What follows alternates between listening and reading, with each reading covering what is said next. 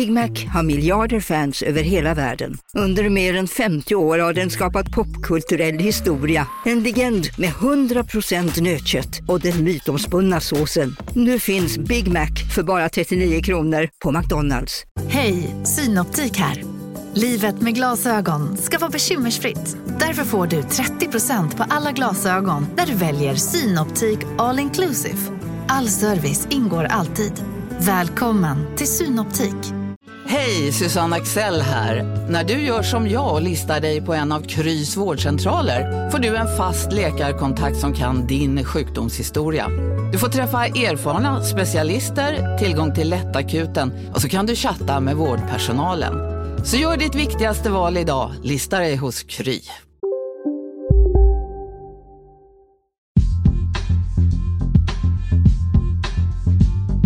Norge och Sverige har valt helt olika strategier i kampen mot coronaviruset. Koronavirukselta ei tunnu säästyvän mikään maa, ei myöskään naapurimaamme Ruotsi. But in a country just eight kilometers away, the scene is very different. In the Swedish city of Malmö, life appears to be carrying on almost as normal. Frühling in Stockholm, die Menschen zieht es nach draußen. Das Leben in Schweden geht bisher ganz normal weiter, während der Rest Europas sich aus Angst vor dem Virus abschottet.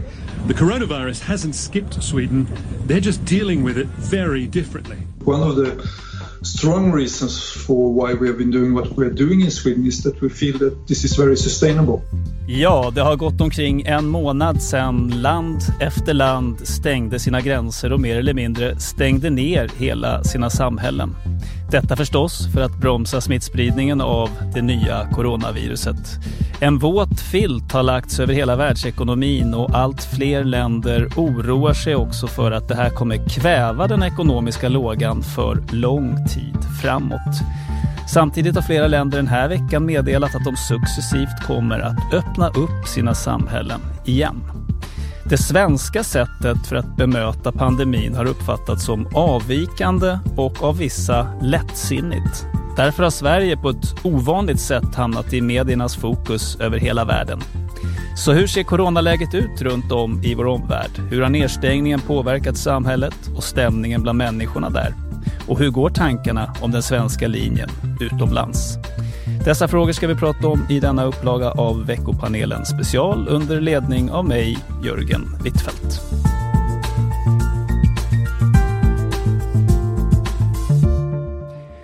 Våra medverkande den här veckan finns inte här utan i olika ändar på internets spindelnät av kablar.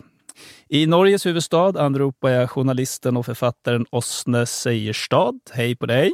Hej! Och från Venice Beach, California, Anders Jämdahl som är digital medieutvecklare och kommunikationsstrateg. Eh, god morgon, får jag säga till dig. God morgon Jörgen. Och i Finland finns eh, Kai Jaskari, journalist på finska public service YLE. Välkommen! Hej, hej, tack! Och här i Sverige finns Christian Stichler, korrespondent i Sverige för tysk public service och lite känd som presskonferenstysken. Ni vet, han som ställer en annan slags kritiska frågor än vad den svenska presskåren emellanåt har varit förmögen till. Återigen, varmt välkomna till våra medverkande och till dig som lyssnar. Vi börjar med att gå laget runt med en klassisk journalistfråga då. Hur är coronastämningen där du befinner dig? Är den ängslig, på väg mot lättnad? Finns känslor av instängdhet? Ja, hur ser det ut? Åsne Seierstad i Oslo. Det är väldigt mångsidigt här i Norge, eh, men jag vill ju säga att det är en slags ro över det hela. Det är en slags konsensus trots allt.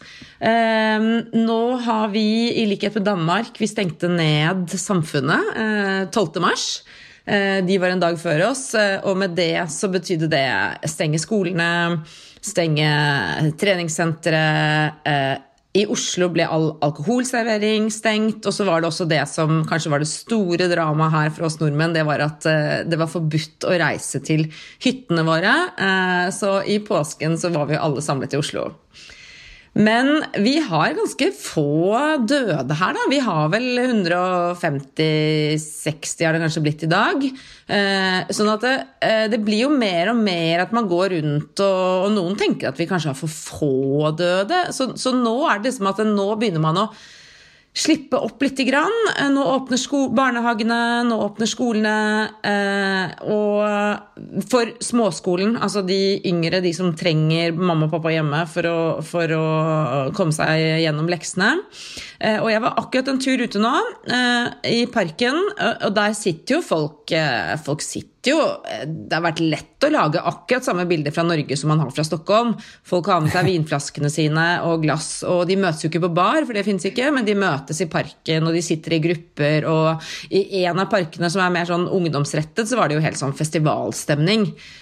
Så, og så er det andre som ikke går ut, som ikke ser andre enn familien sin, og som nekter barna å ha venner, eh, kanskje eventuelt én eller to. Så, jeg vil si at eh, det er ganske mm, Og så er det en konflikt by og land. Nå har jeg snakket lenge her, så vi kommer sikkert tilbake til noen av disse tingene, men, men det er en del sånn småsteder som tenker at de vil ha liksom, karantene på de som kommer sørfra, karantene på de som kommer fra Oslo. Eh, sånn at det har vært også en liten litt konflikt for deg. Vi har jo store områder i Norge hvor det ikke er en eneste smittet. Och varför är då skolorna deres stängt? Ja, det där känner vi igen från Sverige också. Stockholmare är illa sedda just nu på sina håll i Sverige. Om vi tar oss en bra bit eh, från Skandinavien till USA och Kalifornien då, Anders Jämdahl, hur skulle du beskriva stämningen hos dig? Ja, epidemin här har ju totalt vänt upp och ner på människors liv. Eh, det är i princip en total nedstängning av alla tätbefolkade delar åtminstone av Kalifornien med shelter in place-order, alla skolor och butiker utom mat och bensin och sånt. Restauranger och arbetsplatser och utom sånt som bedöms som särskilt samhällsviktigt som transporter och polisvård etc. Allting är nedstängt och inga som helst folksamlingar tillåts. Eh, du ser inga människor i gruppen någonstans alls förutom i par, möjligtvis familjer. Och det, man kan säga att det har gått från en inledande liksom domedagsstämning där total osäkerhet och ovisshet om liksom den, den närmaste framtiden var helt dominerande. Till att man nu börjar väl lite försiktigt kunna se framåt. Men också med det börjar man ju också på allvar förstå kanske lite mer vidden av de långsiktiga effekterna för liksom ekonomin och för enskilda människor och samhället i stort. Är det, är det så att människor gör de här sakerna helt frivilligt eller har ni en stor närvaro av polis och andra som ser till att människor inte samlas och inte är ute och så vidare? Nej, det är ingenting som ska säga, tvingas fram att det efterlevs. Utan det är, folk gör det frivilligt. Och det, det är också något som, jag tror lite skillnad här också, att det är, det är en ganska annorlunda syn på katastrofer, tror jag, i, speciellt i västra delarna av USA mot för vad det kanske är i andra delar av världen. Att det som har sina rötter i hur landet kom till och hur människor kom hit också. Att det de kom hit genom extrema uppoffringar och stort risktagande. Liksom, och med väldigt stark gemenskap i grannskap och orter, och församlingar och delstater. Liksom. Och naturkatastrofer här i Kalifornien är liksom alltid ständigt närvarande någonstans. Det, det kan alltid hända hemska stora saker. Mm, ja, där är vi ju inte riktigt i Sverige då. Det är väl det man brukar säga i alla fall om Sverige, att vi är tvärtom är väldigt eh, oberedda på den typen av saker. Om vi eh, svingar oss en bit österut från Sverige sett till Kaj Asker i Helsingfors, hur skulle du beskriva stämningen hos dig? Ja, vi fick ju höra och se någonting ganska speciellt idag. Alltså, vår eh, president och statsminister höll en gemensam presskonferens där de eh, lanserade ett nytt projekt som heter Suomi Toimi, som betyder ungefär Finland fungerar och Finland agerar samtidigt. Alltså det, betyder, det betyder alltså nu när vi är inne på femte vecka i krisen så, så eh, folk börjar behöva lite peppning. Eh, och den här krismedvetenheten har, den har ökat väldigt snabbt. Alltså, om vi tittar på första halvan av mars så åkte finländare skidor och festade i Lappland och och sen så turister från smitt, eh, smittdrabbade länder som Spanien och Italien, de bara flög tillbaka till Finland och tog tåget eller bussen vidare till regionerna. Och sen så i mycket rask takt har olika rekommendationer först och sen, sen förbud förvandlat allas eh, vardag till väldigt annorlunda. Jag ska inte upprepa allt som sades redan tidigare. Vi, vi har ju varit väldigt stängda också. Restauranger är stängda, skolor och så vidare. Men man kan ju säga, säga så här att eh, eh, till och med befolkningen i, i regionerna i, i norra Finland, östra Finland har börjat vakna lite grann nu och börjat fundera på uh, vad får man egentligen göra? För, får, man, får man besöka butiken om man är 65-70? Eh, måste man eh, använda ansiktsskydd? eh, och sådana här saker. Och sen har sen har folket fått en ny hobby. Att vi har börjat räkna smittade och avlidna. Så vi har ju 3500 smittade ungefär nu i Finland och bara 75 avlidna. Så, så man kan ju tycka så här att alltså stämningen vad gäller själva smittspridningen har varit ganska optimistisk. Eh, och sen så liksom eh, backningen från den politiska backningen för regeringen har varit stor. Oppositionen har, har också stått eh, bakom regeringens beslut och så vidare. Och också befolkningen till, till största delen. Mm. Det här eh, Finland kommer klara det, eller vad man ska kalla den här kampanjen. Alltså, vad är det nya som man eh, sjösätter i och med den? Är det mest bara peppning eller finns det konkreta saker? Nej, ärligt talat, det är, det är mestadels peppning. för att det, det har ju börjat dyka upp olika typer av pro problem. Eh, trötthet på, på att stanna hemma, distansarbeta, barnen hela tiden närvarande. Sen, sen också problem att eh, föräldrarna inte alltid har eh, uh, möjligheterna att stödja sina barn. Uh, våld i närstående relationer och sånt där. Men, men det som har varit lite annorlunda jämfört med till exempel Sverige just nu är att vi har inga sådana här demoraliserande dödsfall. Tvärtom, vi har till exempel eh, före detta presidentparet Ahtisaari som har återhämtat sig. Så att det finns sådana här liksom positiva fall. Mm, det låter som det finns stort behov av, eh, inte minst här då. Om vi går till Christian Stichler då. Eh, du är ju i Sverige, men jag frågar dig ändå om stämningen och läget i ditt ursprungsland Tyskland som du säkert har lite koll på. Ja, inte bara koll på. Jag har varit i Tyskland faktiskt över påskhelgen. Tyskland införde en karantänplikt för alla som reser in till landet och den började den 10 april och eh, spontant har jag sagt med mina två söner som, som jag lever här eh, i Stockholm med, vi, vi försöker att komma ner till Tyskland innan det här eh, med karantän börjar. Eh, så vi åkte iväg före påsk eh, på skärtorsdag eh, härifrån och det var lite spännande för vi visste inte om vi, om vi kom fram till Hamburg och framförallt att åka genom Danmark, det var lite osäkert. Vid biljettkontoret på färjan har de sagt nej men jag, jag säljer gärna en biljett men du kommer inte in i landet på andra sidan Öresundet. Men ehm, vi vågade och betalade biljetten och, och hade en väldigt snäll killen eller, eller en, en, en, från gränskontrollen där på danska sidan. Och, men han tyckte, vad, vad ska ni göra? Var, varför ska ni resa in till Danmark? Jag, jag ska till Hamburg. Och så släppte han igenom oss. Och så andra gränsen var mellan Danmark och Tyskland. Vi var tre timmar före den här regeln med, med um, karantänplikt. Så, så vi hade tur att vi fick komma in. Och det är uh, om kort sagt att komma i ett eh, uh, främmande land om man kommer här från Sverige där skolorna har öppet och uh, barnhage och uh, dagis och man kan ute på uh, café och du kommer från färjan där i, i Bogarden och kör över en helt tom autobahn på uh, torsdag kväll före påsk. Vanligtvis är det mycket påsktrafik. Det var helt tomt, kanske lastbilar. Sen kommer man till, till Hamburg, också en stad som är mycket trafik. Men det är nästan ingenting. Alltså det är som, som eh, nedstängt. Och, och, och, inom min familj är det till exempel så att eh, min dotter, hon är 15 år, hon får inte eh, gå ut eh, och träffa två kompisar. Hon får bara träffa en kompis.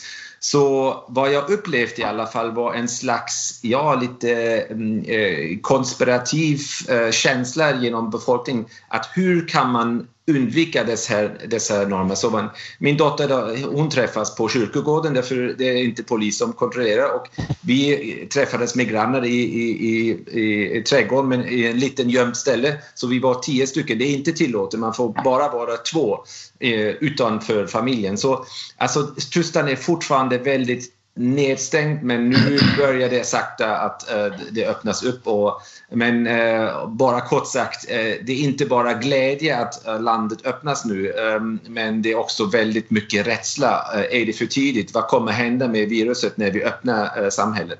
Så det är lite mm. stämningen just nu. Mycket intressant. Jag fortsätter med dig Christian. Tyskland är ju EUs viktigaste ekonomiska motor. Hur mycket har den tyska ekonomin tagit stryk av detta? De drastiska åtgärderna? Väldigt mycket, men jag, jag, eh, det är så att man just nu vet man inte så riktigt eh, ännu vad, vad verkligen, alltså vilka följer den här krisen har. Många pratar i Tyskland eh, om att det blir den värsta krisen sedan 30-talet och vi vet vad som hände på 30-talet före nazisterna kom till makt. Det är inget så att man jämför att det kunde hända igen.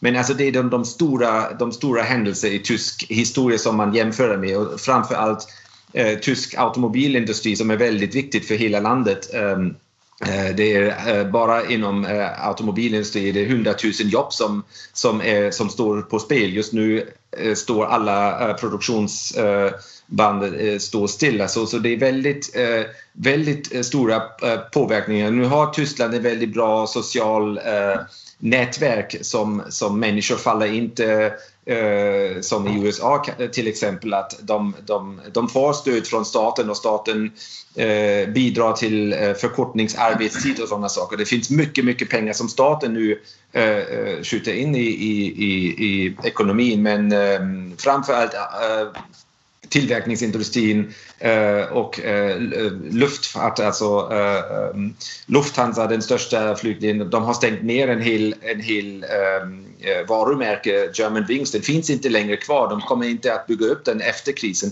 Så många frågar sig vad händer efter krisen och nästan alla säger det blir en annan Tyskland och det blir lång, lång, lång innan Tyskland återhämtar sig. Finns det en grundläggande förståelse trots allt hos näringslivet för att myndigheterna måste ta i så här hårt för att stoppa viruset? I Sverige har det ju varit lite eh, gnäll ändå får man säga, eller snarare man har varit orolig eh, här från näringslivets sida. Ja, alltså det, det är lite blandat. Alltså det, på en sida finns det visst, eh, eh vissa eh, eh företag som tycker vi, vi måste eh, lossna på, på åtgärder och, och att ekonomin kommer igång. Men hela diskussionen i Tyskland är väldigt, väldigt eh, inriktad på vi måste rädda människors liv eh, oberoende om de är 80 år gammal eller eh, 20 år gammal. Och eh, alla måste eh, stödja det här målet. Så det, det, det, har, det, det var ganska tyst inom ekonomin att alltså, till exempel eh, om man jämför med USA, det var inte många som sa att vi måste eh, börja igen ganska tidigt. Så det, det är mycket eh, eh, förståelse för att nej, nu gäller det att skydda människors liv och sen kommer ekonomin och de litar lite på staten, att, de, att eh, staten eh, hjälper alla, nästan alla branscher i, i Tyskland. Till och med eh, den eh, privatiserade sjukvårdsindustrin eller, eller sjukvårds eh, ekonomin därför de har tagit bort många eh, patienter eller eh, så, så de, de, nu, de är beredda för att, att ta emot uh, coronapatienter men de kommer inte därför vi har fortfarande ganska låg uh, insjukningstal så, så mm. nu står det många uh, um, sjukhus, privata sjukhus står nästan tomma och väntar på patienter så det är också en problem som har uppstått. Så, alltså det, och sen ropar man efter staten. Alltså det är en väldigt um, stor oro men samtidigt gäller det människors liv först. Mm. Eh, Åsne Seierstad i Oslo, Norges åtgärdspaket mot coronan. Vad skulle du säga är det område där myndigheter och regering har gått hårdast fram? Alltså, Norge är ju en særstilling fordi vi har dette enorme oljefondet vårt, som jo er større enn Världsbanken. Eh, Verdensbanken. Altså, det er jo som det er eh, Sånn sett har vi penger å ta av, selv om disse pengene er jo egentlig ikke våre, de er kommende generasjoner sine. Eh, men eh, sånn sett så har jo de milliardene som pøses ut fra regjeringen i støttepakker, de har blitt veldig godt mottatt av næringslivet. Eh, og alle er på en måte fornøyd. Det er klart det, det er noen det kommer frem, det er litt urettferdig. Altså for, eksempel har det nesten lønt seg å stenge helt ned. Altså hvis du har en nedgang på 30% Hvis du har mindre nedgang enn 30% så får du ingenting.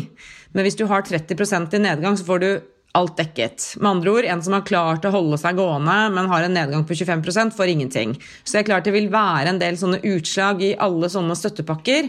Eh, fordi det har vel kanskje vært diskusjonen her, stengte vi ned for mye for fort? Fordi alle visste at de får full lønn fra første dag de er borte. Uansett, alle bedrifter vet at de får full, eh, full kompensering. Eh, men jeg er ikke økonom, og jeg kjenner ikke detaljene i alle disse pakkene. Men jeg bare opplever som på en måte journalist eh, her at eh, Som ikke dekker akkurat det, men at det er en ro rundt det. Eh, Alle regner med, altså det, er ikke noe, det har ikke vært noen store konflikter akkurat rundt det med økonomien. Men arbetslösheten måste väl vara ett problem även i Norge, tänker jag, även om man inte hamnar på gatan? Ja, så att säga. vi har nu en arbetslöshet som är lika stor som i Sverige, som är nu 14-15 procent, och det har ju vi aldrig haft mm, ja, eh, i, i vår tid. Eh, då har alla fått full lön eh, den, de första tre veckorna och så går de ner till, som blir nu, då, så går de ner till en 60, par och 60 procent av lönnen sin. Mm, så det kommer säkert att påverka människor på sikt såklart. Då. Eh, Kaj Askari i Helsingfors, eh, Finlands ekonomi, hur stressad, stressat är näringslivet av det som sker? Ja, väldigt stressad förstås. Alltså, man kan ju säga så här att man, eh, eko, ekonomisterna säger numera att det är ingen idé att ha, ha decimaler i prognoser och egentligen så är de helt värdelösa eh, i alla fall. Så till exempel finansministeriet eh, uppskattar att Finlands ekonomi kommer att krympa 5,5 procentenheter e- eh, om de här restriktionerna hålls i tre månader. Men om de hålls en, e- ett halvt år, då blir det helt plötsligt 12 procent. Så att den här osäkerheten är enorm. Och förstås är det tjänstesektorn och, och sådana som har påverkats först. Och man kan ju, om, man, om man tittar på, liksom, eh, på, på den individuella nivån så, så är det 150 000 permitterade redan och, och sen man räknar att det är ungefär 600 000 personer eh, under någon typ av MBL-förhandlingar eh, som man inte vet förstås hur, hur de slutar.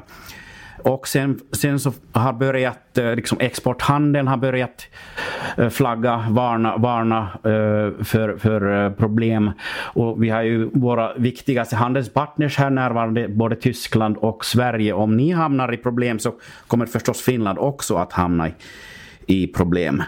Mm -hmm.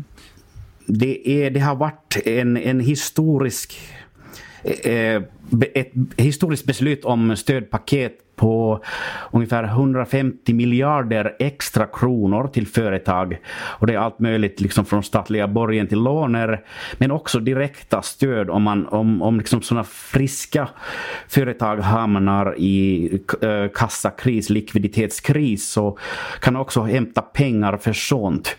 Eh, snabbare permitteringar som förstås gynnar arbetsgivaren, men samtidigt eh, den arbetstagaren om, om den hamnar hamnar utan jobb så finns det inga karensdagar i bidraget eh, om man blir arbetslös eller permitterad. Så det är jättestora mm. pengar. Och dessutom så kommuner som, som i Finland har väldigt dålig, dålig ekonomisk situation eh, allmänt så de kommer att få 10 miljarder kronor i olika stöd. Mm. Eh, Anders Jämdahl i USA då, Kalifornien är väl, eh, är väl nästan USAs eh, vad ska vi säga, ekonomiska motor, i alla fall en av de stora. Hur mycket skada har ekonomin tagit där, Silicon Valley och allt?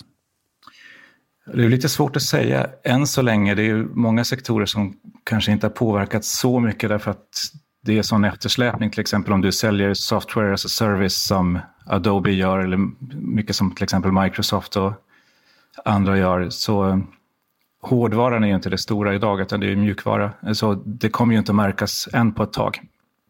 När folk börjar spara in på den typen av, av, av saker, kanske framförallt från företagshåll.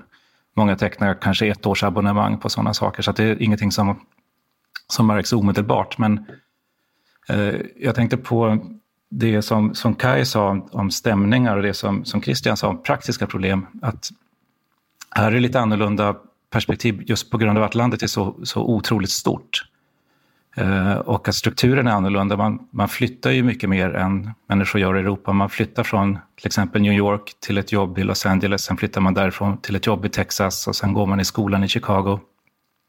Till exempel som vår dotter gjorde. Att man ofta bor väldigt långt från sin familj. Det har ju också skapat eh, mycket osäkerhet här, att man inte har kunnat veta. Kommer människor att kunna resa? Eh, vår dotter till exempel i Chicago, där hon går på college, blev kaos när man plötsligt får ett mejl från skolan att alla studenter ska hem. Det är 300 000 studenter i Chicago, bara i Chicago. Och eh, mardrömsscenario med kollapsade samhällsfunktioner och National Guard på väg in i staden långa pansarkonvojer och sådana där saker som gjorde att det blev en väldigt stark liksom, undergångsstämning från början här. Mm, men jag tolkar det ändå som att ekonom ekonomiskt så är man i alla fall i Kalifornien inte så superakut stressad, eller? Eh, jag tror att känslan av att den bistra ekonomiska verkligheten här har nog växt sig allt starkare. Men det är, det är en väldigt stor ekonomi. Hade, hade vi varit ett land så hade vi varit världens sjunde ekonomi. Så det är ju, man har väl alltid tagit för givet någonstans att Kalifornien klarar sig också någonstans på grund av mycket modernitet. Men det finns ju också mycket annat här som jordbruksproduktion och, och matproduktion som, som kan bli väldigt försvårat. Så jag tror människor nu är väldigt osäkra på liksom om, om kommer man att förlora jobbet. Man ser många lokala småföretag framförallt som står helt utan möjlighet till inkomster. Och man, man förstår att det här är en potentiell katastrof. Att samhälls, samhällets skyddsnät här är ganska svaga. Det är ingenting heller som genomsnittsamerikaner förlitar sig på. Så att även om man kanske nu har kunnat sitta under en palm i sin trädgård och ta det lugnt hela dagarna så det är en djupt onaturlig situation som alla känner att den inte kan hålla och människor är osäkra på hur de kommer att drabbas. Och den federala regeringen och presidentens agerande känns ganska valhänt och reaktivt, men de är inte heller kan säga, vana att behöva fatta beslut som påverkar människors vardag ute i delstaterna, utan det är ju, de flesta besluten här tas ju på county-nivå. Mm. Och det är, det är beslut som tas av lokala beslutsfattare som är väldigt, ska säga, direkt folkvalda utifrån lokala förutsättningar. Men det är också där, därför som det är alltid svårt i USA att, att ha samordnade responser på stora katastrofer som stormar och översvämningar och sånt, just därför att just det. det ser så annorlunda ut. Va? Det finns ett bråk också vet jag mellan guvernörer och president Trump som, eh, som handlar lite grann om det där. När Trump tyckte att han ska bestämma vilka delstater som ska få öppna eller inte. Ja, eller? Det, det, är precis det. Och det sätter ju fingret på där hade du kunnat haft en ganska ordentlig konstitutionell kris, för presidenten har ju inte den makten. Nej, eh, just det. Och det här det är ju kanske också vad man pratar om, om bilden av andra länder här, så det är ju, vi är ju 50 länder eh, med ett stort antal parallella kulturer. Och det, mm. det räcker ganska gott liksom för ens bandbredd, och även i med, både i media och i samtal med andra människor. Mm, jag förstår det. Om vi, om vi går till, tar en sväng om sjukdoms och hälsoläget i era respektive länder. Eh, vi kan väl stanna kvar hos dig då, Anders, för enkelhetens skull. Eh, vad jag förstår så är det 28 000 i Kalifornien som är totalt antal fall, ungefär eh, 1000 döda. Och det är ju ett väldigt stort, som du själv var inne på, ett väldigt folkrik delstat. Så att, eh, mm. Bara 1000 döda, jämför, det är lika många som Sverige. Anses det här vara en framgång eller eh, väntar ni på stormen på något sätt? Nej, jag tror att det känns väl en försiktig optimism här att, att det har börjat plana ut. Men man är också väldigt, väldigt medveten om vad som kommer att krävas för att man ska kunna gradvis, i alla fall fundera på att öppna upp ekonomin eh, i strategiska sektorer kanske först och främst. Men att det kommer att krävas eh, masstest av människor eh, i otroligt stor skala. Eh, och det har man kanske först nu börjat förstå vilken otrolig utmaning det är logistiskt sett eh, att överhuvudtaget mm. genomföra det. Men jag tror dödsfall, det är ändå en befolkning som är många gånger större än Sverige. Så att tittar man på till exempel New York som alla här jämför sig med, så är det ju en väldigt stor skillnad. Eh, och de mm. dödsfallen som har varit har ju varit koncentrerade till ett fåtal väldigt tätt befolkade områden som också är lite tätare än de flesta. Den större delen av Kalifornien är ju inte speciellt tätt. Och det är också det, tror jag folk är väldigt medvetna om, att det är något som har räddat oss i väldigt stor grad också. Att man, man bor inte i ett högt hyreshus på åtta våningar i normala fall här, och man måste åka hiss och du vet, träffa andra människor, utan det är eller sitta på tunnelbanor, utan det är, väl, det är betydligt mycket glesare. Man hoppar in i sin stadsjeep och, och sitter på motorvägen i ändlösa köer istället. Ja, i normala fall. Nu, nu, är det inte så mycket köer kan jag säga. Det, det, det är något som Nej, gör... Det, bland det mest bisarra det är att se motorvägarna här som är i princip Alltså inte tomma är de ju inte, men det är väldigt mycket mindre trafik och det har ju ja, det aldrig någonsin hänt förr. Måste vara speciellt. Eh, Åsne Seierstad i Oslo, enligt tidningen Verdens Gangs siffror så har Norge eh, 7000 bekräftat smittade, 164 inlagda på sjukhus och 158 har då dött av covid-19. Är den här trenden på tydligt nedåtgående? Ja, alltså I eh, alla fall så har kurven flatat ut. Eh, i mitten av mars så eh, fryktet mange at vi skulle se de samme tallene som i Italia. Fordi Norge var, eh, var ganske raskt at vi hadde en del smittet som faktisk hadde vært på skiferie nettopp i Italia og i Østerrike. Eh, og eh, kurven viste akkurat samme retning. Eh, og Derfor ble også de strenge tiltakene satt ned, og da betydelig raskere relativt sett enn i Italia. Eh, og nå ser vi at de har fungert, eh, og at det er 158 døde. Det dobla Finland, eh, skjønner jeg, med samme befolkning. Og da begynner jo folk å spørre seg Eh, skal man eh, stenge ned et helt samfunn eh, for eh, altså Hva er prisen på et liv? Ikke sant? Hva koster dette oss? Eh, det er jo noe som absolutt også er interessant, som jeg gjerne vil høre mer om hva Finland tenker på det. ikke sant? Eh, stenge ned hele samfunnet med så få, tross alt, døde. Mm. Og det som vi gjør her nå, er at eh, vi åpner opp gradvis. Eh, men selvfølgelig hele tiden, men vi kan godt stenge igjen.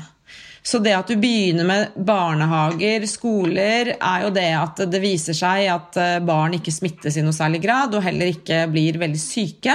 Eh, samtidig som det er en faktor som visstnok koster 1,7 milliarder norske kroner per dag. At ikke foreldrene får gått på skolen. Eh, sånn at det, eh, og det er også andre ting, frisører, det har vært snakk om til og med treningssenter. at man åpner opp gradvis. Men nå har vi sett dette har fungert. Folk har vært disiplinerte, folk har vært ganske flinke, og at eh, det er ikke noe veien for å stramme inn igjen. Og så er det et spørsmål som jeg lurer litt på, og det er jo eh, at noen sier jo også at det, man skal passe seg for å ha for få døde også. For det, dette er noe som kanskje vil vare i to år. Dette er kanskje bare den første bølgen. Det kan komme en bølge til, det kan komme flere bølger. Så hvis vi nå strammer inn så mye at vi ikke tar av noen ting, ikke skaper noen immunitet, så vil en ny bølge kanskje i verste fall komme samtidig med det vi er midt i nå. Det där är ju väldigt, väldigt intressant för att Sverige, som vi ska prata lite mer om sen och hur man ser på det, här börjar man ju prata om att modellerarna på Folkhälsomyndigheten då säger att de, de kan, eller vi kan, uppnå så kallad flockimmunitet redan i maj. Det är väl i och för sig en väldigt optimistisk prognos, men det slog mig då att plötsligt är då Sverige i ett väldigt bra läge om det skulle uppstå. Jag tänker att alla ni länder som har varit framgångsrika i att liksom strypa den här smittan, den kommer ju inte försvinna eh, såklart. Eh, ja, vad, tänker du om det Kaj i Finland har ju varit kanske bäst i klassen. Ja, för det första skulle jag säga så här att, eh, att vår statsledning varnar nu för den, den typen, av, typen av falsk trygghet statsministern sa att nu ska ni inte åka till, till sommarstugorna. Även om eh, vår kanske mest strikta restriktion, alltså isoleringen av eh, Helsingforsregionen Nyland, den upphävdes nu under veckan. Och det, det eh, uppmärksammades mycket i Sverige också att vi, att vi hade ett, en sån här åtgärd i två och en halv veckor. Och det har gjort att, eh, att liksom, vi har fortfarande i, i den här regionen har vi fortfarande absolut flest fall. Men den här ökningstakten har jämnat ut sig så att, eh, att det är ungefär likadan nu på andra håll. Och, och nu är det, är det liksom idén att nu, nu ska vi inte, även om det kommer signaler att, att vissa länder eh, som Danmark, Norge, Österrike börjar öppna upp. Nu ska vi trots allt fort, fortsätta agera som tidigare så att vi inte, inte liksom, eh, ja, sabbar det här fina resultatet helt enkelt. Men jag tänker ändå att förr eller senare så måste ju smittan ta sig in i befolkningen och det, det förstår ju förstås finska myndigheter och politiker också. Hur, hur tänker de kring det? Att att den ska spridas väldigt långsamt? Eller? Alltså jag pratade med en matematiker idag just om det här. Hon har gjort sådana här modeller Eh, om olika, olika epidemier och, och, och liksom, idén är det här att man, vi ska köpa tid nu för att, eh, för att det blir eh, både läkemedel och, och sen sprutor mot framförallt just injektioner mot mot eh, covid-19, mot coronavirus. Och det är, det är hela idén att, att den här flockimmuniteten skapas eh, genom, genom medicin, inte genom att eh, alla, alla ska, eller, eller de flesta ska smittas och väldigt många ska dö. Så det är kanske eh, strategin här. Mm, en kamp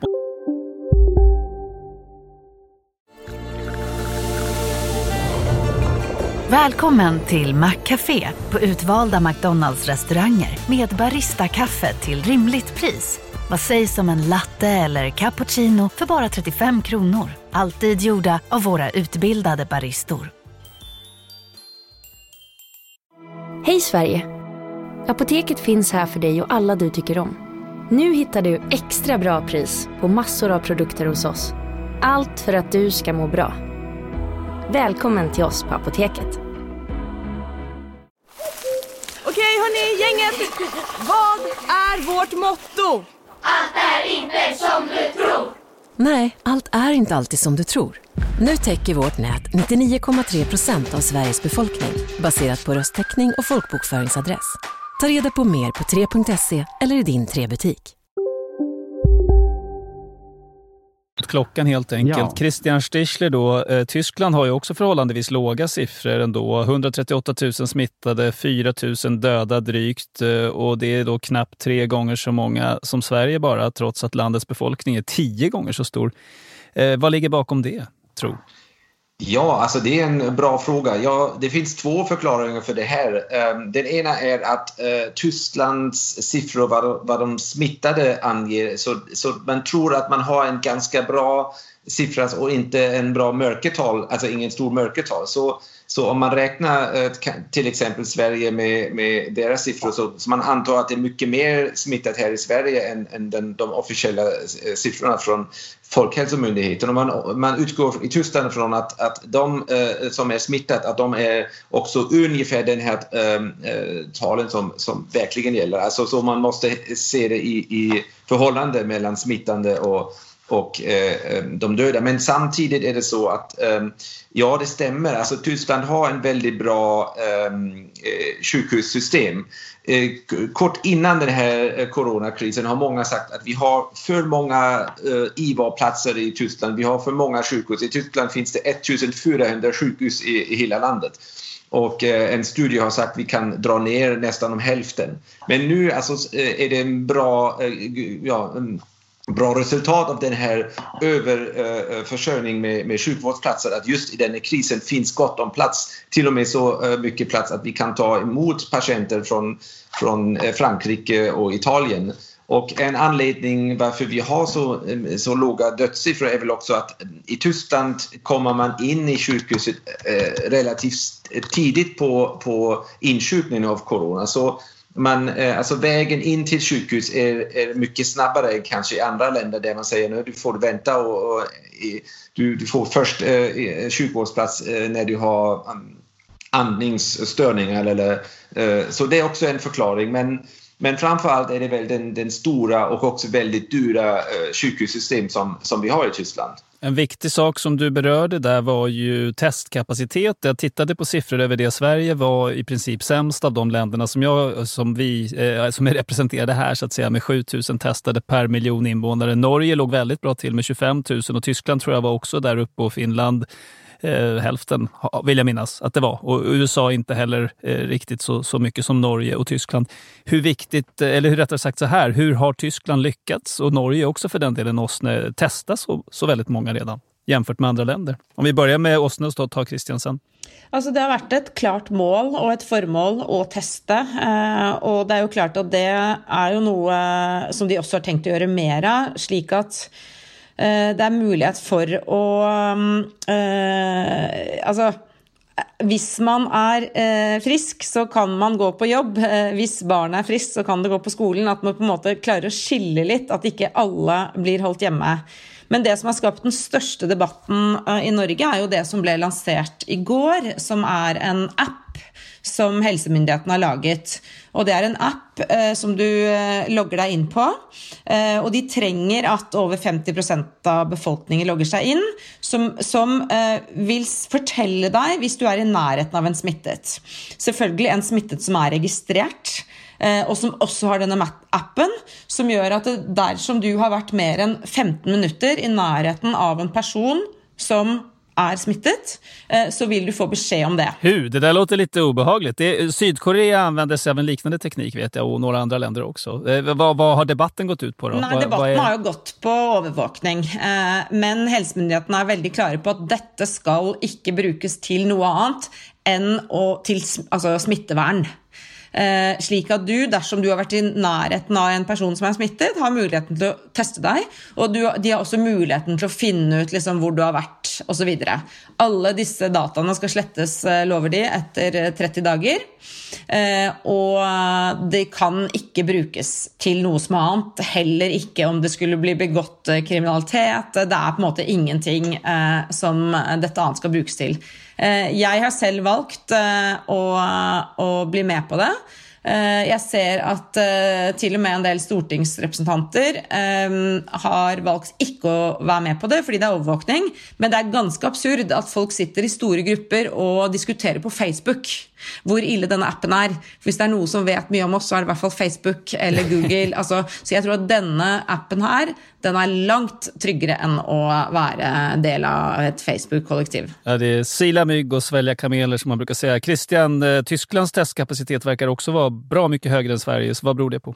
Ja, alltså det finns en bra struktur det, det, i samband med att det finns många sjukhus, många labor, laboratorier som, som har kapacitet att eh, Eh, ställa upp. Också universitetssjukhus eh, eh och, avdelningar har ställt upp för att testa. Och det var från början ett mål, eh, kanske också från lärdomar från Sydkorea, att testa, testa, testa. Alltså det är väldigt det var en, en del av den eh, eh tyska eh, politiken och hittills har vi testat ungefär 1,7 miljoner tyskar men det är fortfarande intressant att vi får ett resultat ungefär Eh, från 8% av de test är positiva trots att man får en sån test bara när man har symptom och är lite sjuk. Alltså du kan inte få en test om du är helt frisk bara för att veta om det, om det är något. Då kan man ana sig till att det är fler än 8% av befolkningen i så fall som är smittade? Ja, exakt, så att det finns fortfarande alltså, eh, en stor del av befolkningen som inte har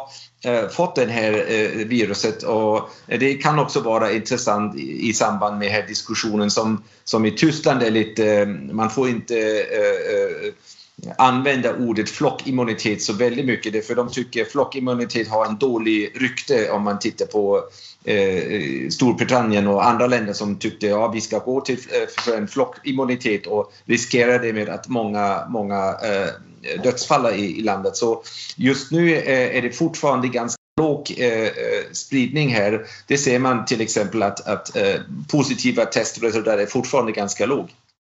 Mm. Anders Hjelmdahl, eh, tester var ju en sak som var ganska uppmärksammat i USA, just att man testade för lite. Eh, mm. Har man kommit till rätta med det nu eller?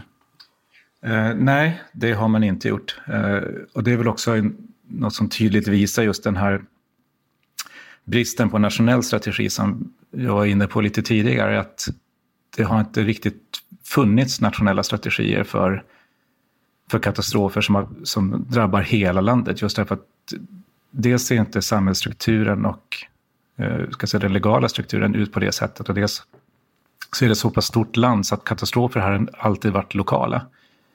Eh, och det är också så att, så det reflekterar ju hur säga, politiken Eh, reagerar på kriser och vad de har för, för möjligheter att göra det. Eh, men sen har vi också fått, det är ju egentligen först sista dagarna som det ens har börjat diskuteras att öppna upp eh, landet och ekonomin igen. Mm. I de delar av det som har varit stängt. Och delar av landet som till exempel New York är ju inte ens på tal om att börja göra det ännu. Hur ser bilden av Donald Trumps agerande ut då, om det går att säga någonting om det? Eh, han ville ju sätta en egen bild på en presskonferens där han hade klippt ihop en film som visade att alla tyckte att han gjorde ett jättebra jobb. Men det it backfired kan man säga lite grann, eller? Eh, ja, eh, alltså det är ju, landet är ju väldigt polariserat kring eh, den nuvarande presidenten och administrationen. Eh, men det är också eh, man kanske måste tillägga också att, att, Donald Trump är ju inte en enormt populär president ens av hans egna väljare, utan det är också det är väldigt mycket ett missnöjesval som har lett fram till det resultatet vi har. Så det har också, också gjort att man har säga, kombinationen av det och att, att, eh, att det är en missnöjeskandidat och att man, det egentligen inte finns någon större tilltro till att den federala regeringen ska lösa ens problem. Eh, gör ju också att den federala regeringen är inte beredd på att göra det och människor är inte beredda att de ska göra det. Så den här situationen är väldigt speciell på det sättet. Man, man kan nog säga att man, det känns väldigt valhänt och reaktivt. Och det, det är väl den allmänna uppfattningen att det kastas väldigt mycket pengar av skattebetalarnas pengar på problemet och det är väldigt klumpigt utfört och illa planerade liksom, satsningar. Men att det kommer att krävas enorma satsningar för just för att undvika kris, bland annat testning. Men det har inte det har inte skett hittills och det, det, har först börjat diskuteras hur man överhuvudtaget ska göra det. Men det har inte kommit några besked alls om hur det ska hända. Vi, vi gör ett superexperiment här och ser om ni kan svara med bara en siffra. Om jag, om jag börjar med dig, Anders. Eh, eh mellan 1 och 10, hur tror du att befolkningen uppfattar att eh, led, den politiska ledningen har klarat av coronakrisen så här långt? Mellan 1 och 10? Jag måste svara med två siffror, just på grund av ja, att, okay. att det är ett federalt land. Ja. Eh, de federala myndigheterna skulle jag nog säga att man kanske ger en tvåa.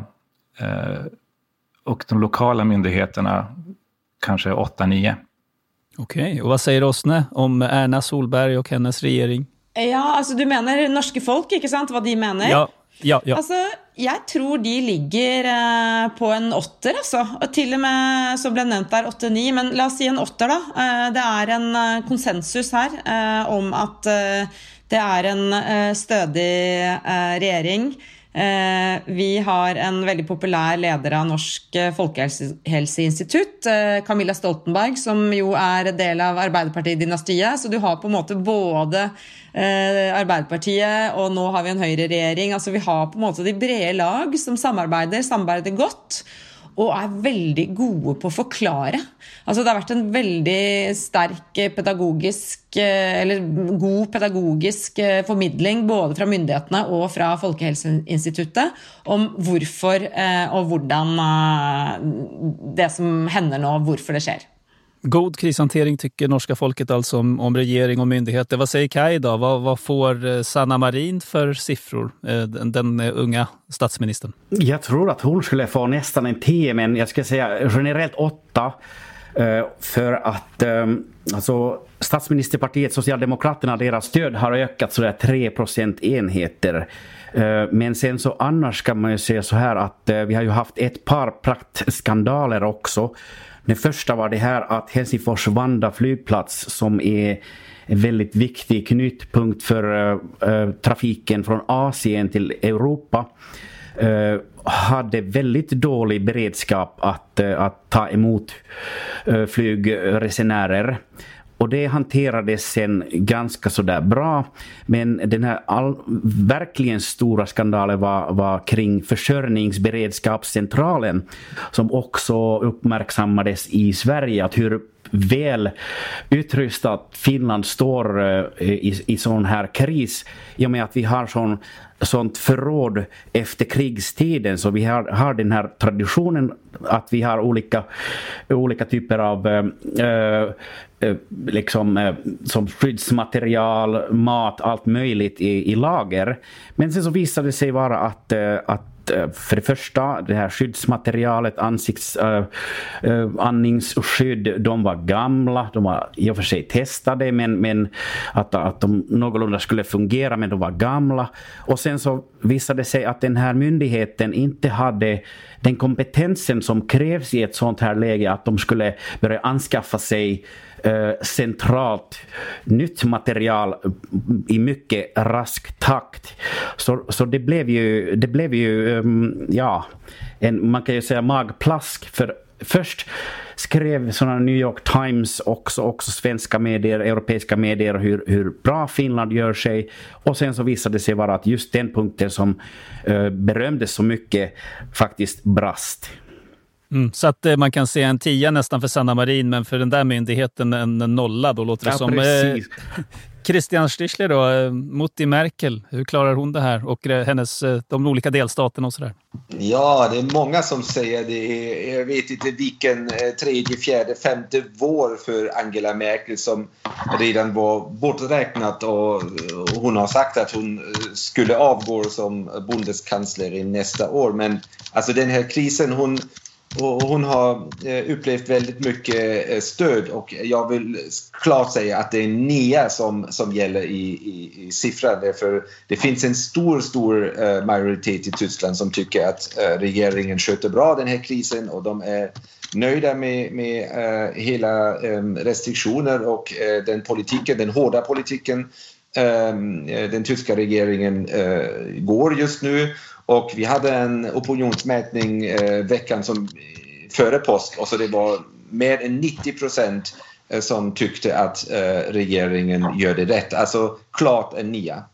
Det blir ju en intressant övergång eh, till vår sista avdelning här när vi ska prata om hur Sveriges strategi uppfattas. Nu får ni inte vara diplomatiska och ni behöver bara svara med en siffra, inget mer, eh, så här nu i början. Om ni tänker att er befolkning, hur den uppfattar att Sveriges ledning klarar det här, vad skulle samma siffra bli då, tror Christian? Vad, vad tror du?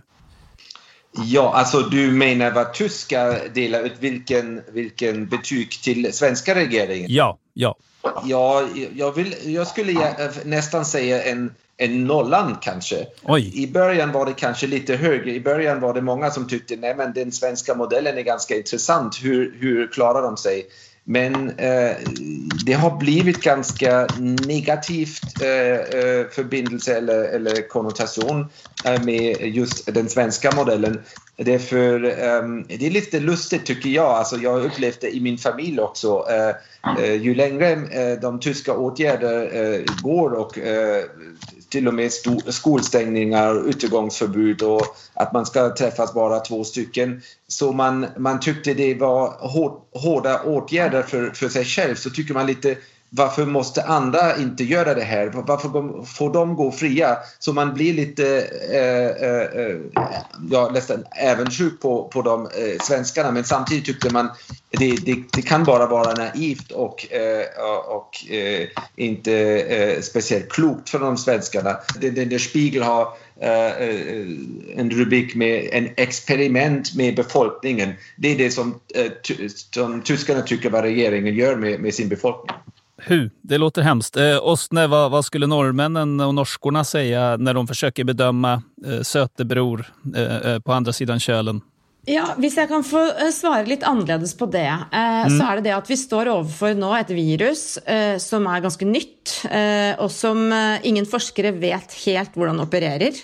Den er et koronavirus, den minner om andre virus, men så er det noen langtidsvirkninger, og det er en del ved det som gjør at det skiller seg fra andre virus. Men en ting kan vi slå fast, det är inte dödsfarligt eh, för folk flest, för att säga det så. Samtidigt så lever vi nu på en sådant måte att vi utnyttjar naturen. Eh, vi eh, går in på ikke det är ett virus från djur. Vi lever på en sådant måte att plötsligt en dag så kommer det ett virus som är ända mer smittsamt och mycket mer farligt. Det som jag syns är mest intressant med den svenska modellen, är att nu får vi funnit ut jeg er glad for at det er ett land som gjør, prøver noe annet. Fordi hvis alle prøver akkurat det samme, så finner vi jo ikke ut i særlig grad var det det som funket, var det det som funket. Eh, altså Jo, til en viss grad var det skolene eller var det næringslivet. ikke sant? Hva var det? Hvilke tiltak var det som var effektive? Nå eh, tar Sverige byrden med eh, eh større dødstall, eh, samtidig som de da eh, kanskje går bedre økonomisk. Men så får vi finne ut da, med dette koronaviruset at, hva som egentlig har fungert. Så jeg er veldig takknemlig for akkurat det. Eh, ja. Og så er det også det som også leger her i Norge sier. altså til syvende og sist så skal vi jo kanskje alle innom det viruset. Spørsmålet er når. ikke sant? Spørsmålet er er helsevesenet vårt rigget. Er det klart? Og det viser seg jo i Sverige at enn så lenge så klarer helsevesenet å ta unna eh, de som kan overleve en respirator. Altså De som dør, er jo de som er for syke eh, til å kunne overleve en respiratorbehandling. Så jeg bare tenker at eh, det er eh, bra at eh, Sverige prøver noe annet. Mm, mycket intressant. Och om du skulle göra det till tolk för den normala, alltså för Ola Norman, vad, vad tror du norrmännen och norskorna tänker själva? Vad, tror, hur tror du då man skulle ranka så att säga, den svenska ledningens eh, insats utifrån vad de läser och ser och hör? Eh, det, det som är intressant är att eh, synen på smittevärn visar sig som kanske en av de väldigt få teman i världen, eh, inte att följa politiska skiljelinjer, men eh, det följer en personlighet. Eh, derfor er det umulig å gi et tall. ikke sant? Bare i mitt nabolag, eh, av folk som jeg stort sett vet hva mener om ting, så blir det plutselig helt usikker. Det går på personlighet. Er du en fryktsom person? person? Har du mye angst? Er du ganske redd av deg? Er du en forsiktig type, så syns du at ingenting skremmer deg mer enn Anders Tegnell. Altså Det er på en måte, det er doktor Død som står der. Men hvis du regner med at å, dette er interessant, det går nok bra uh, dette, så, så, Derfor kan jeg nesten ikke gi deg noe tall. Det, det følger en personlig trekk hvorvidt man syns at det er en vågal approach, uh, men er det verdt å prøve? Mycket nyanserat och intressant svar. Kai, vågar du dig på att helt enkelt ge en siffra vad du tror att finnarna tänker när de ser den svenska linjen? 95 procent ser ettan, 5 ehm, procent ser sjuan. Okej, det finns en, eh, en, en, splittring även eh, bland finnarna, även om, även om de flesta tycker att Sverige verkar vara på fel väg då? Ja, man kan ju säga så här att utgångspunkten var precis samma som Åsne berättade här. Alltså det var antalet döda och just nu ligger vi i en situation där Sverige har 20-faldigt så många döda, alltså absolut och tio gånger eh, proportionellt fler än i Finland. Så, så såklart, de flesta tycker att nej, det där kan inte vara en bra väg. Uh, och sen så Först tänkte man att, att nu är det, det är liksom ekonomin som styr i Sverige. Men sådana som känner Sverige kanske bättre, som har bott där, börjar påpeka på olika folkmentaliteter. Alltså, eh, då var det frihet versus ansvar. Eh, och i Finland pratar man, pratar man mer om rätten till livet som, som en, en absolut rätt. Men om man funderar på eh, svenskar i, i till exempel sådana World Value Survey mentalitetsforskningar eh, eh så, så svenskar är annorlunda än finländare. Alltså eh, svenskar uttrycker sig, vill uttrycka sig, sig själva, vara rationella, absolut icke-traditionella, eh, auktoritära och, och, så vidare. Och, och sen så, det beror också på det, eller, eller det påverkar också det här sättet hur man kommunicerar. Jag minns när jag bodde i Sverige i början så jag hamnade i en feedback-situation där personen, min chef sa att jag reagerade på det där att eh, och sen så tänkte jag så här, jaha, men vadå, vadå reagerar du på? Och jag trodde att det, det, liksom, att det betyder det som de här orden betyder, men det egentligen betyder det att nej, det där var helt kass. Så det är lite samma sak när man, när man säger till en svensk att nej, ni ska inte, ni ska inte flockas, flockas i samma, samma eh, ställen. Så, så man, man tänker att, att den här personen tar sitt ansvar medan, medan finländaren kanske lyder mer när det kommer ett auktoritärt förbud. Mm. Vi kan väl lyssna på en eh, person som redan har varit på tal här när han pratar om eh, Sverige. Sweden did that. The herd, they call it the herd. Uh, Sweden suffering very, very badly.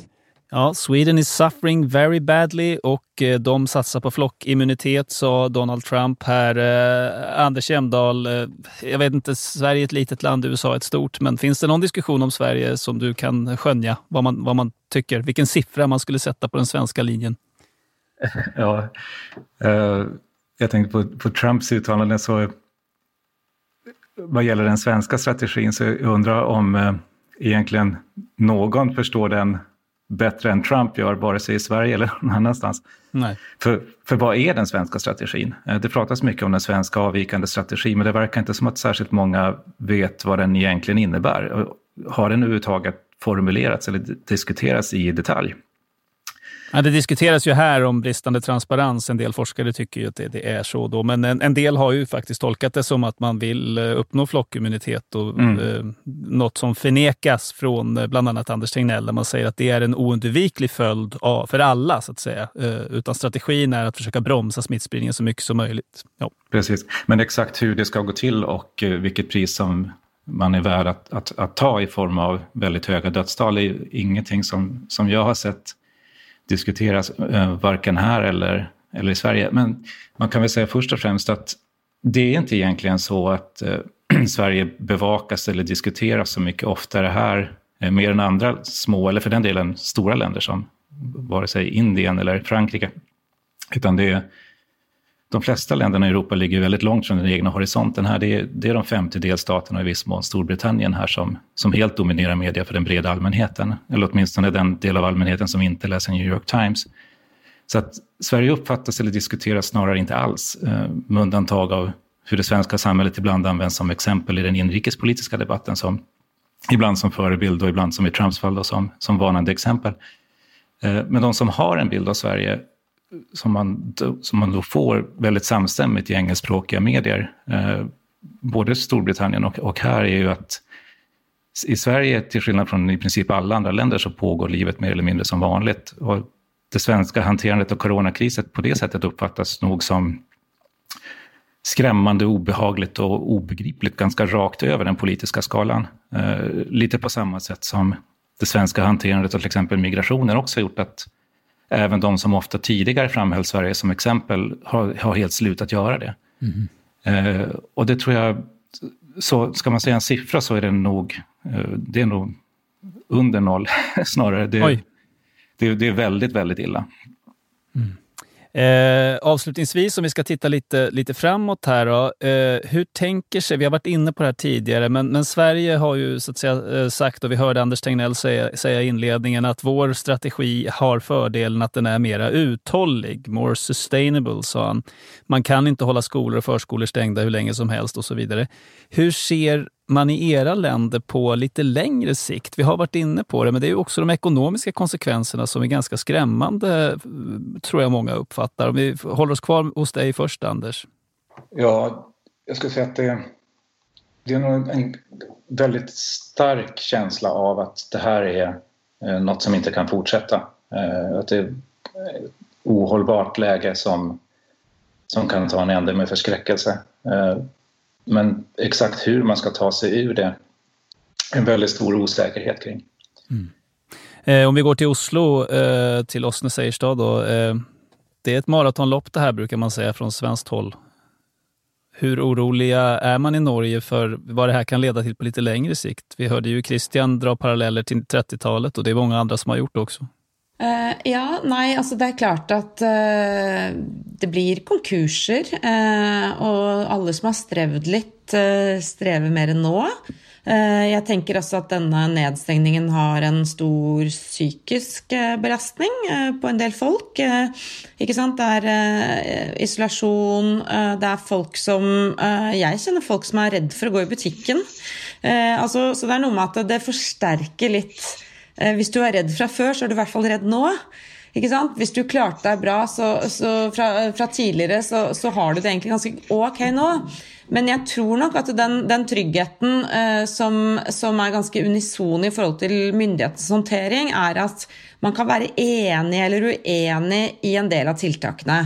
Men vi följer dem och vi har en tro på att det faktiskt eh, ligger både hälsofagliga och ekonomiska grunder bak det. Så att jag, har, eh, jag husker det Anders Tegnell sa, det att dessa tiltakene kan vi leva med länge. Och då tänkte jag, för de tiltakene vi hade i Norge, de kan vi inte leva med länge. Men nu åpner de opp, og det er noe sånn som du står liksom med en kran og måler, eller, en temperaturmåler og bare sånn Ok, vi skrur litt her, vi hever litt der. Altså, altså, det er en verktøykasse som faktisk myndigheten nå bruker. De, eh, og, og, og, nå er det tiden for å finne ut hvilke verktøy som, som er de riktige. Eh, men eh, det som kanskje ikke kommuniseres nok, er jo at eh, de ønsker jo en litt økt spredning. Ikke sant? At det, det, at de nå åpner skolene, ja, det betyr jo at flere blir smittet, men helsevesenet kan takle det, Norge kan takle det, eh, og til syvende og sist kanskje vi må vente på immuniteten mens vi jobber på spreng for en vaksine. Og da er det akkurat som du sa, det er på en måte en, en, en, et kappløp eh, om tiden. Eh, vaksine eller flokkimmunitet, eller mer død. Det var du inne på också, Kaj Asker, i, i, i, Finland, att det är det man hoppas på i Finland. Bättre läkemedel, vaccin och så, att man ska hålla nere smittan till dess att det finns. Är det, är det så man tänker sig att man ska lösa detta då? Ja, det är ungefär så. Och det vet ju ingen hur det, hur det blir, alltså hur långt man måste vänta på just den här vaccinen. Alltså läkemedel kanske inte är någon lösning men just vaccinen. Men man kan ju säga så här att vi lite skojsamt säger alltid att uh, svensken och svenskan, de, de, har alltid så bra lycka vad de än gör så att uh, de kommer att vinna ändå. Så, så det finns ju alltså en liten del av befolkningen. Den här debatten har börjat faktiskt den här veckan ungefär att vad, vad är det om svenskarna trots allt har rätt i sin strategi? Och nu har man börjat prata om en hybridstrategi här också. Det kanske kommer att växa det här att, att vi hellre ska begränsa smittspridningen genom, att, genom ökad testverksamhet och spårning av smittskenorna snarare än att, eh, att totalt isolera, eh, distansera människor från varandra för att det är både skadligt för individen i längden och också förstås för ekonomin. Mm. Sista ordet till dig, Christian Stichler. Eh, du drog den där hemska parallellen med 30-talet och skottkärrorna med pengar och, och liksom när hela det politiska systemet svajade. Eh, finns det en rädsla för att det här, när själva viruset kanske är underordnat och de ekonomiska problemen hamnar i förgrunden, att det ska bli stökigt politiskt? och ekonomiskt? Nej, jag tror inte ännu. Alltså befolkningen är inte oroad så mycket om, uh, om ekonomiska följder. Det är lite svårt att Eh, säga konkret hur det blir. Men de flesta tycker, de frågar sig hur kommer mitt eget liv att utveckla sig? Framför allt, när kommer jag ut? När kan barnen gå till skolan igen? När kan vi träffas på restauranger och alla dessa frågor och eh, vad som kommer efter sommaren och finns det en chans att vi kan leva som förut? Alltså det är det som, som de flesta frågar sig och att ekonomin får en väldigt stor smäll, det är redan nu klart, men hur stor det blir och med vilka följder, så det, det vet man inte. Men lite den frågan som dyker upp just nu och det är också den här med immuniteten inom befolkningen är att mm, i början av den här krisen har eh, Robert Koch-institut, alltså den eh, ja, likadant eh, myndighet som, som Folkhälsomyndigheten här i Sverige har sagt att det kommer 60 till 70 procent av befolkningen kommer att få det här viruset. Det, det behövs för att bli immun och, och, att överkomma över den sjukdomen. Men nu har man mätit de första antikroppstestar att Tyskland är ungefär vid 2% immunitet inom befolkningen, så det är ganska låg nivå fortfarande.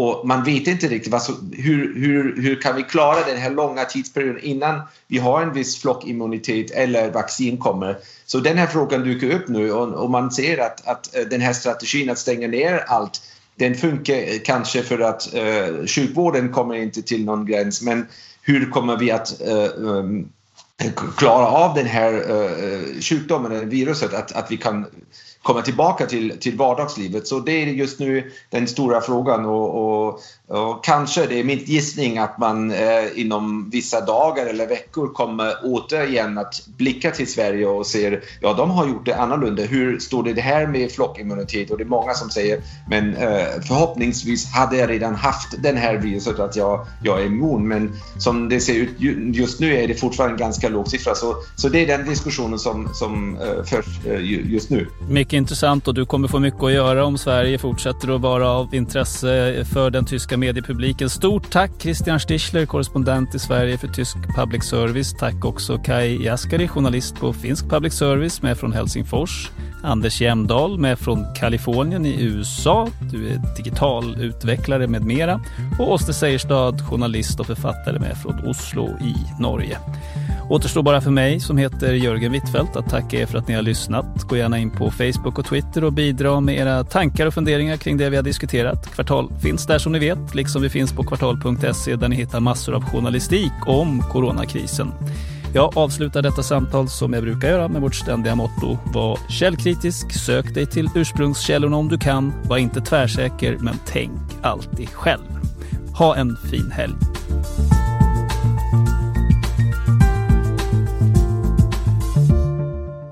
Ja, hej. Du har uppenbarligen upptäckt våra poddar, Veckopanelen och de andra tre som vi har. Men du kanske också kan ha glädje av våra många upplysande och välskrivna texter på sajten. Den här veckan har vi exempelvis en text om det dilemma som många beslutsfattare befinner sig i just nu.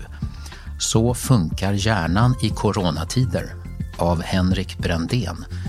Det saknas inte paralleller i den till saker som hjärnföreläsaren Anna Tebelius Bodin talar om i veckans fredagsintervju som jag har gjort. En annan text den här veckan som faktiskt är rätt skrämmande är skriven av en anonym undersköterska på ett äldreboende i Stockholm. Vem bär ansvaret när allt fler dör i äldrevården? frågar hon. Vi har också en essä om hur president Putin stärker greppet nu över den ryska statsapparaten. Och så har vi en högaktuell artikel av Jonathan Lundberg om hur Google-sökningar upptäcker covid-19 innan den sjuke eller läkaren gör det.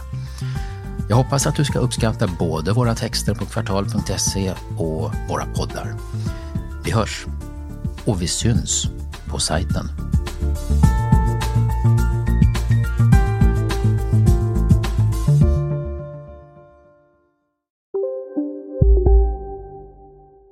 Välkommen till Maccafé på utvalda McDonalds restauranger med Baristakaffe till rimligt pris. Vad sägs om en latte eller cappuccino för bara 35 kronor? Alltid gjorda av våra utbildade baristor. Ska några små tassar flytta in hos dig? Hos Trygg Hansa får din valp eller kattunge 25% rabatt på försäkringen första året. Läs mer och teckna djurförsäkringen på trygghansa.se. Trygg Hansa, trygghet för livet. Som medlem hos Circle K är livet längs vägen extra bra. Just nu får du som ansluter dig 50 öre rabatt per liter på de tre första tankningarna och halva priset på en valfri biltvätt. Och ju mer du tankar, desto bättre rabatter får du. Välkommen till Circle K.